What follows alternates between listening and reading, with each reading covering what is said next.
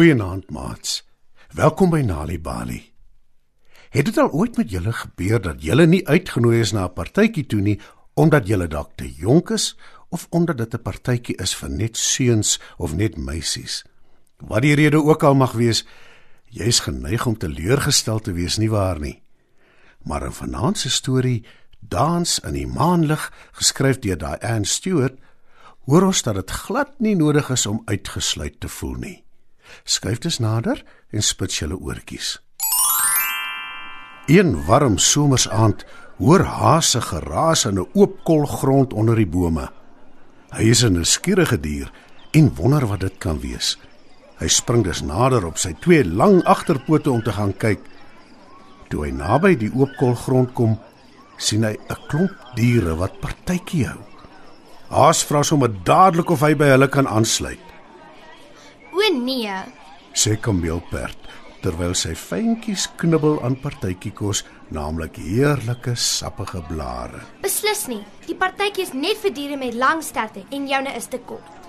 Haas loer onderlangs na sy wollerige stert en hy besef dadelik kameelperd is reg. Dit is te kort. Hy spring weg en besluit om in die bosse te gaan soek vir iemand wat vir hom 'n lang stert sal leen. En daar val haar se oog op vlakvark wat al snuffelend met haar neus op die grond loop. Haar drie kleintjies volg haar. Hy is in sy noppies en vra: "Mag ek asseblief jou stert leen, vlakvark, net vir vanaand? Ek bring dit dadelik terug, ek beloof jou." Vir wat nogal? Wil vlakvark weet. Haas verduidelik van die partytjie in die oopkol grond onder die bome wat net vir diere met lang sterte is. Hy erken aan Vlakvark dat hy brand om die partytjie by te woon. Maar toe sê Vlakvark: "As jy my stert leen sal my kleintjies my nie kan volg nie. Want jy sien ek hou dit in die lug op sodat hulle dit kan sien en weet waar ek is." Haas is teleurgestel en wonder wat om nou te doen staan. En net toe draf Ertvark met haar lang stert verby. Haas neem sy kans waar en vra haar of hy dalk haar stert kan leen vir die partytjie.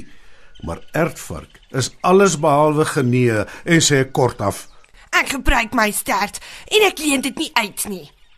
Toe draf Ertvark weg. Haas loop toe maar verder al dieper in die bos in op soek na 'n dier met 'n lang stert wat bereid sal wees om dit vir hom te leen.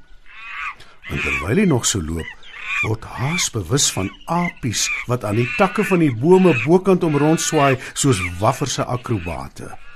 Haas kyk opgewonde op en hy vang een van die apies se oog. "Mag ek asseblief jou stert leen vir vanaand?" Vra Haas vir die apie. Hy kyk hoopvol na die ratsdier, maar sy vererg haar bloediglik en raas. En hoe moet ek nogal aan die takke rondswaai? Op soek na kos, hè? Jy's lekker laf. En met die swaai die apie weg. Haas is nou eers afgehaal. Hy hoor die partytjie geluide in die verte en dit maak hom hartseer dat hy nie ook daar kan wees nie. Maar toe kry Haas 'n blink idee. Hy besluit om Zebra te vra of sy haar stert vir hom sal leen. Zebra het 'n pragtige lang swart stert met 'n wit klos aan die punt. Hy kan hom indink met die mooi stert aan sy lyf. Haas dink dit sal hom veel beter pas as sy eie wollerige klosstertjie. Haas gaan soek dus vir Zebra. En toe hy haar kry, is hy besig om 'n laatnag versnapering van heerlike soet gras te vreet. "Mag ek jou stert leen, sebra? Groot asseblief." Vra Haas. "Net vir een aand." "Vir wat?" Vra Zebra met 'n bek vol gras. Jy het mos jou eie. "Wel, sebra, soos jy weet, is dit nie juis lank nie. En daar's 'n partytjie vir diere met lang sterte. Ek wil dit bitter graag bywoon." O, Sê Zebra. Ek hou nie eintlik van partytjies nie. Ek sal dus nie gaan nie. Maar ongelukkig vir jou het ek my stert self nodig. Ek waai lastige vlee weg daarmee. Haas besef uiteindelik dat niemand vir hom 'n lang stert gaan leen nie. Hy begin teleurgesteld aanstap huis toe. Op pad kom hy 'n olifant te. Hy besluit om een laaste kans te vat en hy vra die olifant of hy sy stert kan leen vir die partytjie. Ek wil regtig so graag in die maanlig dans. Verduidelik Haas. Die olifant beskou die klein dier en sê: gelukkig nie, haas. My klein ding hou aan my stert vas sodat sy nie wegraak nie. Verder waai ek vliee weg daarmee. Ek het dit brood nodig. Eh, nie net om te kan gaan dans in die maanlig nie. Haas is nou na aan trane. Hy besef finaal die partytjie is hom nie beskore nie. Maar voordat hy huis toe gaan, besluit Haas om vir oulaas te gaan kyk hoe die langstert diere partytjie hou. Hy kyk en hy kyk en hy raak al hoe meer jaloers op die diere wat in die maanlig dans. Toe doen Haas 'n desperate ding.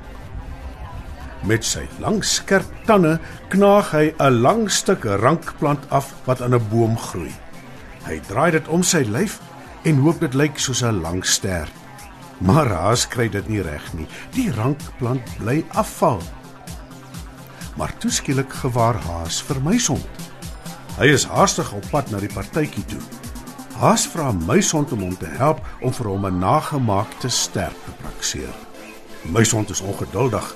Hy is klaar laat vir die dansparty, maar Haas bly smeek en hy gee nader aan toe. Hy draai die stuk rankplant om Haas se lyf en bind dit styf vas. Haas is nou so opgewonde, hy kan sy lag nie hou nie. Nou toe. Daar het jy nou 'n lang stert. Kom ons gaan partytjie toe. sê Muishond en saam stap die twee in die rigting van die vrolike dansende diere. Maar toe, net voordat Haas by die partytjie kan aansluit, voel hy hoe iemand op sy nagemaakte stert trap. Dit kom los en val op die grond. Muishond kyk nie eens om nie. Hy huppel dansvoer toe.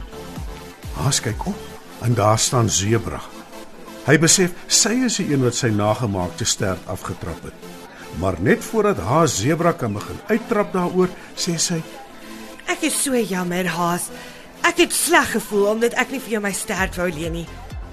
Dis hoekom ek hier is om jou om verskoning te vra. Haas antwoord nie. Hy is te moeg en te moedeloos daarvoor. En toe sê Zebra: Ek wou ook 'n voorstel aan jou kom maak. Hoekom hou jy nie 'n partytjie vir diere met kort sterte nie? Jy kan eystervark nooi en duiker en blesbok en Voordat sy eers nog diere kan opnoem, juig Haas in sy skik dat dit 'n briljante idee is. hoekom het ek nie daaraan gedink nie? Sê hy: Ek is wie ek is.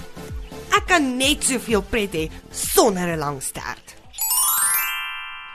Wanneer kinders tuistories hoor, help dit hulle om beter leerders te word op skool. Vir meer stories om vir kinders voor te lees of vir stories wat kinders self kan lees, besoek ons by www.nalibali.mobi. Daar is heelwat stories in verskeie tale absoluut gratis beskikbaar. Daar is ook wenke oor hoe om stories vir kinders te lees en met hulle te deel sodat hulle hulle volle potensiaal kan ontwikkel.